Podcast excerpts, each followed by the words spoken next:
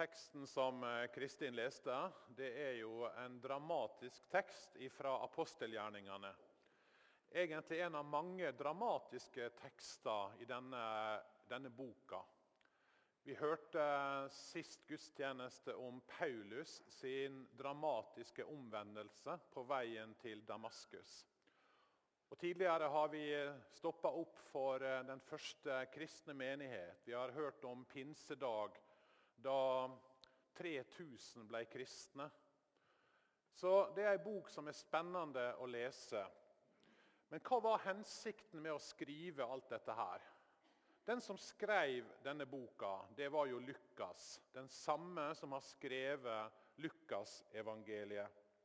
Hva var det Lukas ville? Når vi skal lese en bok, så er det ofte greit å tenke igjennom hva er hensikten med denne boka. Hva er liksom poenget?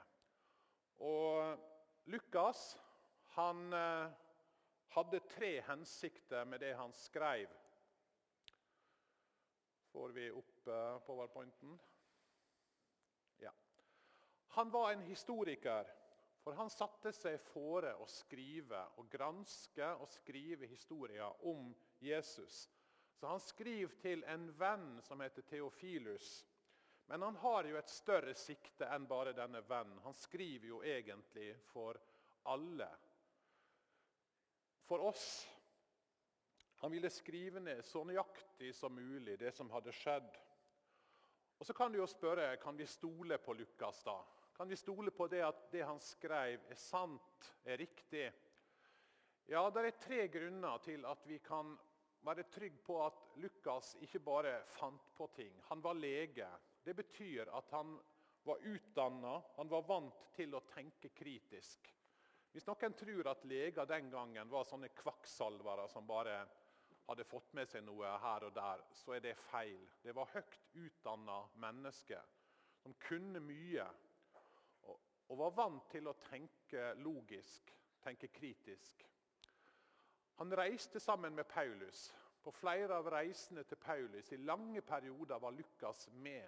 Så Han skriver og forteller ikke bare sånn det han har hørt, men han opplevde dette.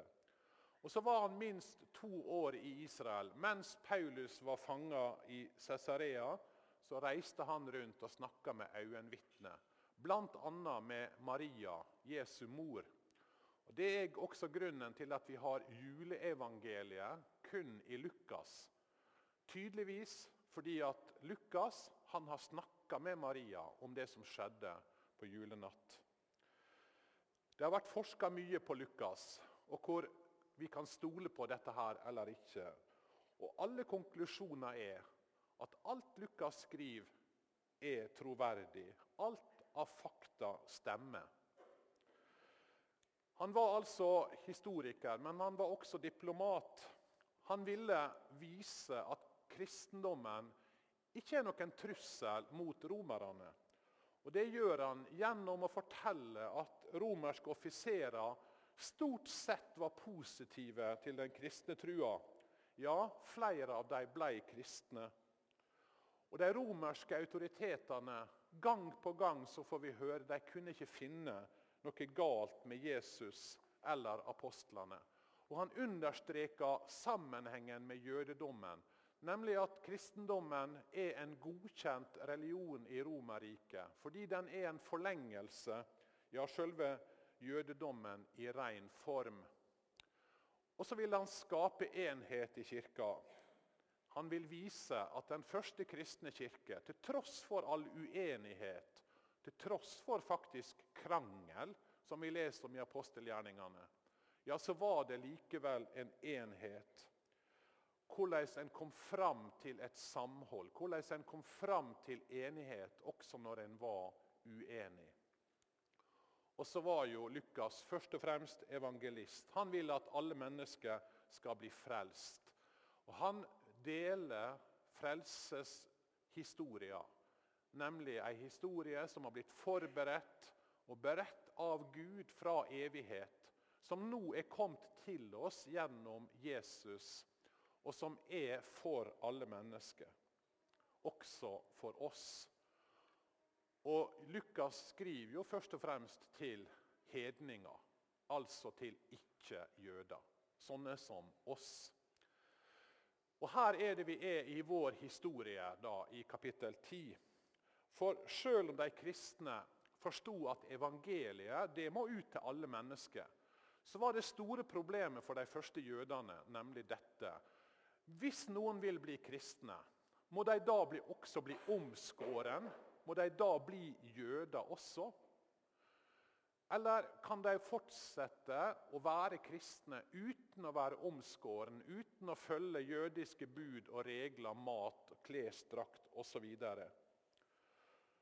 Og Her ser vi at vi står ved et vendepunkt, et skille i den kristne historien. For hvis de hadde enda opp med å si jo, du skal være en kristen, så må du også bli omskåren. Du må også følge de jødiske høytidene. Du må bruke de jødiske klærne, spise den rette maten, alt som er ureint osv. Så, videre. så hadde vi i dag vært jøder.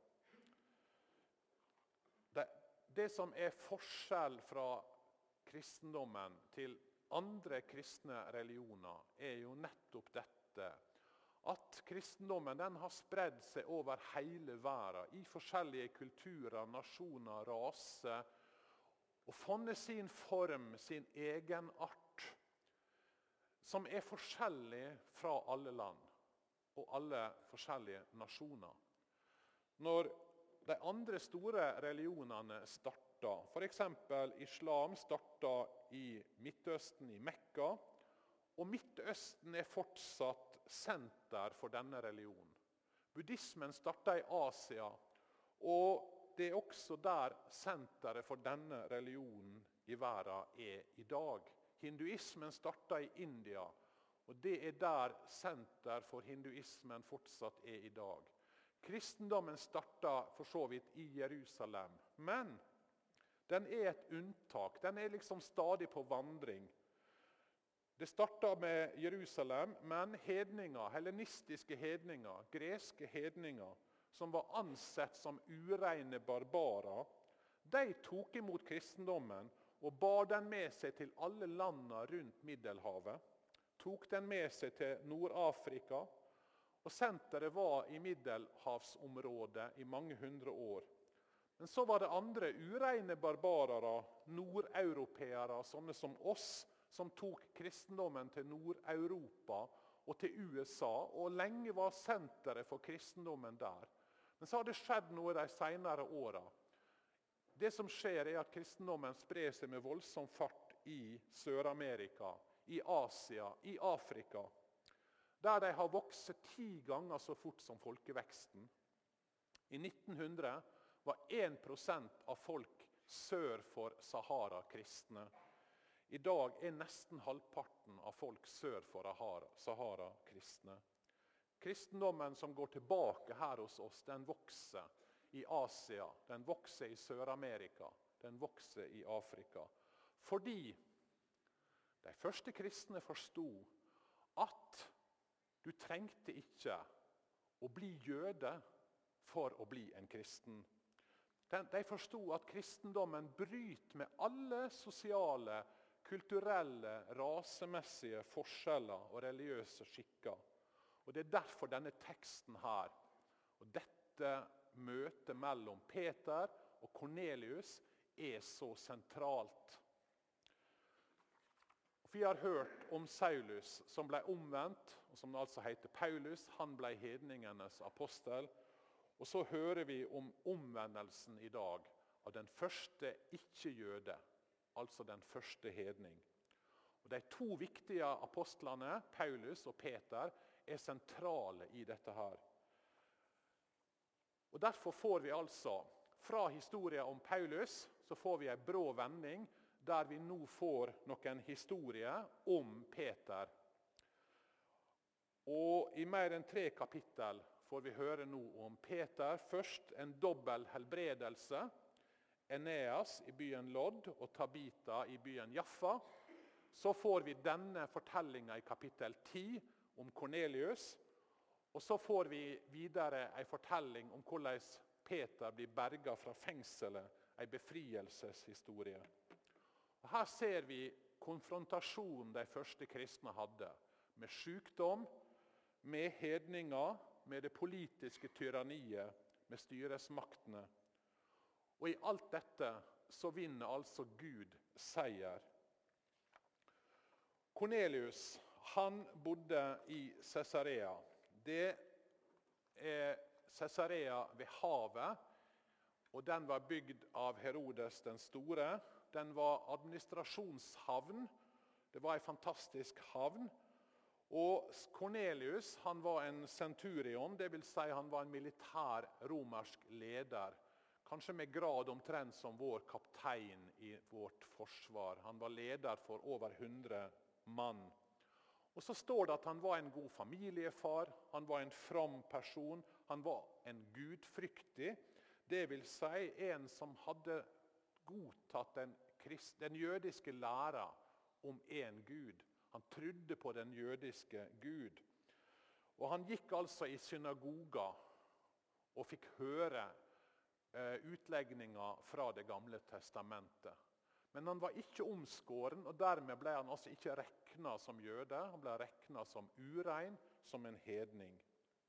Hans Christian delte mye fint om dette her forrige gang. bakgrunnen For dette her. For det er vanskelig for oss å fatte den enorme avstanden som det var mellom jøder og ikke-jøder. Vi som har gått gjennom Det gamle testamentet, syns dette her er litt rart. For der virker det som om Gud, til tross for at han utvelger seg et folk, har et siktemål med frelse for hele verden. I deg, sier han til Abraham, skal hele jorda velsignes. Vi tar det på en måte som selvsagt, men det var ikke det for en jøde på den tida. Tragedien var jo at jødene de vrei denne tanken om utvelgelse til å bli favorisering at Gud hadde en spesiell favoritt, nemlig deg som jøder. Og Dette førte til hovmod. De førte til at de hata og kanskje forakta de som ikke var jøder. De ble kalt for hunder. Hedningene ble kalt for hunder. Og De utvikla alle slags tradisjoner for å slippe å ha noe med disse ureine hedningene å gjøre. Ingen trufast jøde ville gå inn i huset til en hedning, eller invitere en hedning, altså en ikke-jøde, til inn i sitt hus. Tvert imot, all familiær kontakt var forbudt, og ingen kunne spise sammen med en hedning. Dette hadde Peter vokst opp med. Dette var djupt grunnfesta i enhver from jøde. Og Da ser vi jo hva problem Gud antagelig hadde når han nå skulle bryte ned disse barrierene mellom jøder og hedninger. Så det er som om Gud tenker Oi, jeg må visst gjøre noe drastisk her. Og Det drastiske skjer jo ved at Peter skal spise og Gud åpenbarer seg. Peter kommer i ekstase og ser en duk komme ned fra himmelen med ureine dyr. Samtidig så sender Gud en engel til Kornelius. Så Gud griper overnaturlig inn både i Peters sitt liv og i Kornelius sitt liv for å hjelpe dem til å skjønne hans hjerte og skjønne hva er det Gud tenker. Peter får et syn, og han er lydig når disse utsendingene fra Kornelius kommer, så går han sammen med dem til Cesarea. Ca. ti mil å gå. Nei, ti timer til fots, mener jeg. Ikke ti mil, men ti timer å gå til, fra Jaffa til Cesarea. Og Han til og med inviterer disse hedningene inn i huset, så de kan bo der over natta. Så kommer de til Cesarea. Og det blir et fantastisk møte, som vi hørte i denne teksten. Og Kornelius forklarer hva som har skjedd. Han forklarer dette synet, denne engelen som har vist seg for ham, og Peter forstår at her har Gud noe på gang. Og Når Kornelius har forklart, så sier han dette. Nå er vi alle samlet for Guds ansikt og vil høre alt som Herren har pålagt deg å si. Er ikke det en fantastisk setning? Er ikke det en fantastisk holdning? Kornelius sier nå er vi samla i Guds nærvær. Når vi er samla i Guds nærvær, så vil vi høre alt det som Herren har pålagt deg å si. Jeg tenker en liten parentes. Det er holdninga vi skal gå til gudstjeneste med også. Det er fort gjort at vi går til gudstjeneste og liksom tenker ja, ja, er dette bra, da? Eh, litt kritisk, litt sånn vurdering. Av og til så sukker vi over kanskje talen eller andre ting. Kornelius hadde en annen holdning. Han sa når vi er i Herrens nærvær, altså er vi her for å høre alt det Herren har pålagt deg å si. Vi er her i Guds nærvær for å høre hva Gud vil inn i våre liv. Det er holdninga vi skal ha når vi er samla om Guds ord og nattverden. Og Peter han har forstått. Han sier nå forstår jeg virkelig at Gud ikke gjør forskjell på folk, men at han fra alle folkeslag tar imot hver den som frykter ham og gjør det som er rett. Dere kjenner det ordet han sendte til Israels folk, det gode budskapet om fred ved Jesus Kristus, han som er Herre over alle. Peter sier Gud behandler ikke mennesker ulikt. Ytre kriterier, utseende, rase, nasjonalitet, kjønn eller klasse. Gud tar imot hver den som kommer til Han. Og Kornelius kan bli en kristen uten å måtte bli en jøde. Og Så forkynner Peter evangeliet til Kornelius og de andre i huset. Legg merke til at Kornelius var en som ærlig søkte Gud. Han var from. Og Mange tenker er ikke det nok, da? Men hvis det var nok å være from, ja, hvorfor sender da Gud Peter til Kornelius? Kornelius går i synagoga, og mange tenker ja, hvis du går i synagoga eller i kirka, så er vel det nok. Men hvorfor sender da Gud Peter til Kornelius hvis det er nok? Gud sender Peter til Kornelius fordi Kornelius må få høre evangeliet om Jesus Kristus. Og Det er derfor vi også driver misjon blant jøder. Vi ønsker å bringe evangeliet om Jesus Kristus tilbake til det folket vi fikk det fra. De trenger også å høre evangeliet. Fromme mennesker trenger å høre evangeliet. Og Peter forkynner om Jesus og om trua på han. Vi leste dette avsnittet om først hvordan Jesus gikk omkring og gjorde godt. Og hvordan det var eh, når han var vandra rundt i jødenes land. Så ble han hengt på et kors. De drepte han. Men Gud reiste han opp på den tredje dagen. Og han påla oss, sier han til slutt, at vi skulle forkynne for folket og vitne at han er den som Gud har satt til dommer over levende og døde. Om ham vitner alle profetene og sier at alle som tror på ham, skal få tilgivelse for syndene ved hans navn. Peter viser til Jesu liv og tjeneste. Og det er interessant at Når de taler og forkynner evangeliet i apostelgjerningene, så begynner de alltid med Jesu liv og tjeneste. Og Så sier han noe om Jesu død. Han sier han ble hengt på et tre. Og Hvorfor bruker han det uttrykket istedenfor å si han ble hengt på et kors? Jo, fordi han knytta tilbake igjen, og de første kristne knytta tilbake igjen til Det gamle testamentet som pekte fram mot Jesus. Slik som Paulus også skriver i Galaterne. Men Kristus kjøpte oss fri fra lovens forbannelse da han kom under forbannelse for vår skyld. For det står skrevet Vær forbannet er den, hver den som henger på et tre. Slik skulle Abrahams velsignelse komme til folkeslagene i Jesus Kristus. Så vi ved troen skulle få ånden som det var gitt løfte om. Han henviser tilbake igjen. Peter gjør det til Jesus, som ble en forbannelse for vår skyld, slik at vi skulle få Guds velsignelse. Den han lovte til alle folkeslag gjennom Abraham. Og Så forkynner han oppstandelsen, for det var en viktig del av det kristne budskapet. Jesus er oppstått, han lever. Han er en levende herre.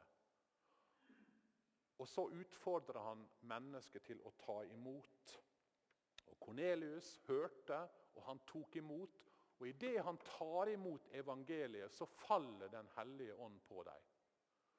Og De som var med Peter, ble forskrekka fordi at de hadde ikke venta dette her. Eh, Den hellige ånds gave ble øst ut også over hedningene.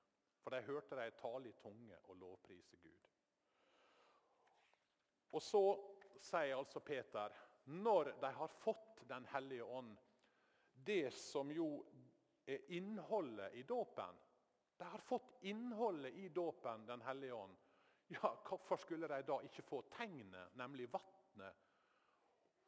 Og hvorfor skal de da kunne la være å døpe dem, og så blir de døpt i Jesu Kristi navn?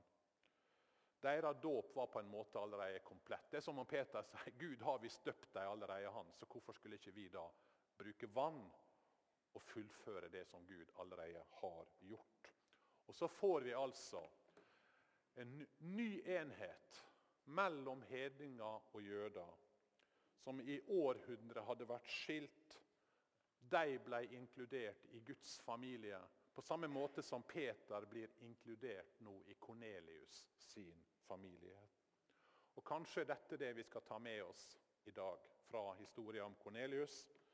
Når Gud ikke gjør forskjell på folk, ja, så må heller ikke vi gjøre det. Når Gud ikke gjør forskjell på folk, så kan ikke vi gjøre det. Vi tenker jo ja, selvsagt, men det er alltid farer for at vi fortsetter å gjøre forskjell. Og Det skulle ikke lenge etterpå, i Antiokia, da Peter falt tilbake igjen til vi kan kalle det for gamle synder og holdt seg borte fra å spise sammen med hedninger. Og Paulus måtte offentlig irettesette Peter det er ikke mange år etterpå så hadde han nesten glemt dette her. Nei, dette er noe vi må kjempe for. En ny enhet hele tida. Kanskje vi er bra til å i vår menighet ikke å gjøre forskjell ut fra rase og språk. Men det er lett å lage seg andre skillelinjer. Det kan være skillelinjer mellom de som kan mye teologi, og de som ikke kan så mye. Det kan være skillelinjer mellom enkelte som har åndelige gaver, som kanskje ser litt ned på de som ikke har det. Eller de som syns at lovsangen er fantastisk, og så opplever de at andre ikke syns det. Vi kan lage oss skillelinjer, også vi. Det er alltid en kamp for å bevare enheten og bevare tanken om at Gud ikke gjør forskjell på folk. Han har brutt ned skillelinjene, sier Paulus. Hans er vår fred. Han som gjorde de to, hedninger og jøder, til ett, og rev ned den muren som skilte fiendskapet. Gjennom ham har både vi og dere adgang til Far i én ånd. Derfor er dere ikke lenger fremmede og utlendinger. Nei, dere er de helliges medborgere og Guds familie. Vi hører til i en ny familie. Vi er én kropp. Det er det fantastiske budskapet, på tvers av alt som skiller oss. Et av de landene ja, som har størst problem med splittelse mellom rase, sosiale klasser, det er India. Og der er verdi basert på klasse og på kasta, der de kasteløste er nederst og minst verdifulle. En indisk kirkeleder snakker om dette her. Og Så sier han dette. Andre religioner i India kan gjenskape ethvert kristent mirakel, unntatt ett. Kristne viser til fysiske helbredelser. Det gjør hinduer og muslimer også. Kristne taler om liv som forandres. Det gjør også buddhistene. Det er bare ett mirakel som virkelig får andre indere til å forundre seg. Når mennesker av forskjellige kjønn, rase, kaste og sosiale klasser samles i en ny, sann enhet i ånden. Det underet, det forundrer mennesket. Og det har alltid forundra mennesket. Hvordan kan de være sammen, disse her, som er så forskjellige? og Som til og med mener så mye forskjellig. Og så har de en sann enhet i ånden. Det er det store underet i kristendommen. Vi hører sammen. Det er en ny enhet. og Denne enheten er ikke fordi vi liker hverandre, eller fordi vi har felles interesse, eller fordi vi syns de andre er så fantastisk spennende å være sammen med. Nei, det er de jo selvsagt også. da. Mye spennende folk og mye kjekke folk. Men først og fremst en ny enhet i Jesus Kristus. Han er vår fred, sier Paulus. Og uten han er det ufred både mellom oss og Gud og mellom hverandre. Han er vår fred. Det er evangeliets kraft. Og det er det Paulus også ber oss om å bevare. Sett alt inn på å bevare Åndens enhet i den fred som binder sammen. Vær du med på å bevare denne enheten. Ikke nødvendigvis ved at ikke du kan være deg sjøl. Ikke ved at du ikke skal ha dine egne meninger. Ikke ved at du er ulik alle andre som går her. Men det er en djupere enhet, den enheten som vi eier i Jesus Kristus. La den få være fundamentet for hvordan vi ser på hverandre som søsken i trua. Som mennesket Jesus døde for. Som mennesket Jesus elsker så høyt at han døde for. Vi har det perspektivet, ja, så kan vi tåle uenighet. Så kan vi tåle at vi er forskjellige. Sett alt inn på å bevare Åndens enhet. I den fred som binder sammen. La oss be. Takk, Jesus, for at du kom for å skape en fred. Ikke bare mellom oss og Gud, men også fred mellom oss som søsken i trua på deg. Og Jeg ber om at vi må bevare denne enhet. I den fred som binder sammen. Slik at vi kan kjenne at vi hører sammen på tross av alt som måtte skille oss. Skap du denne enheten her i vår menighet. En enhet som gjør at vi kjenner at vi elsker hverandre til tross for alt som skiller. Hjelp oss å vise det i praksis. Hjelp oss til å møte hverandre som mennesker som du ga ditt liv for, som du elsker.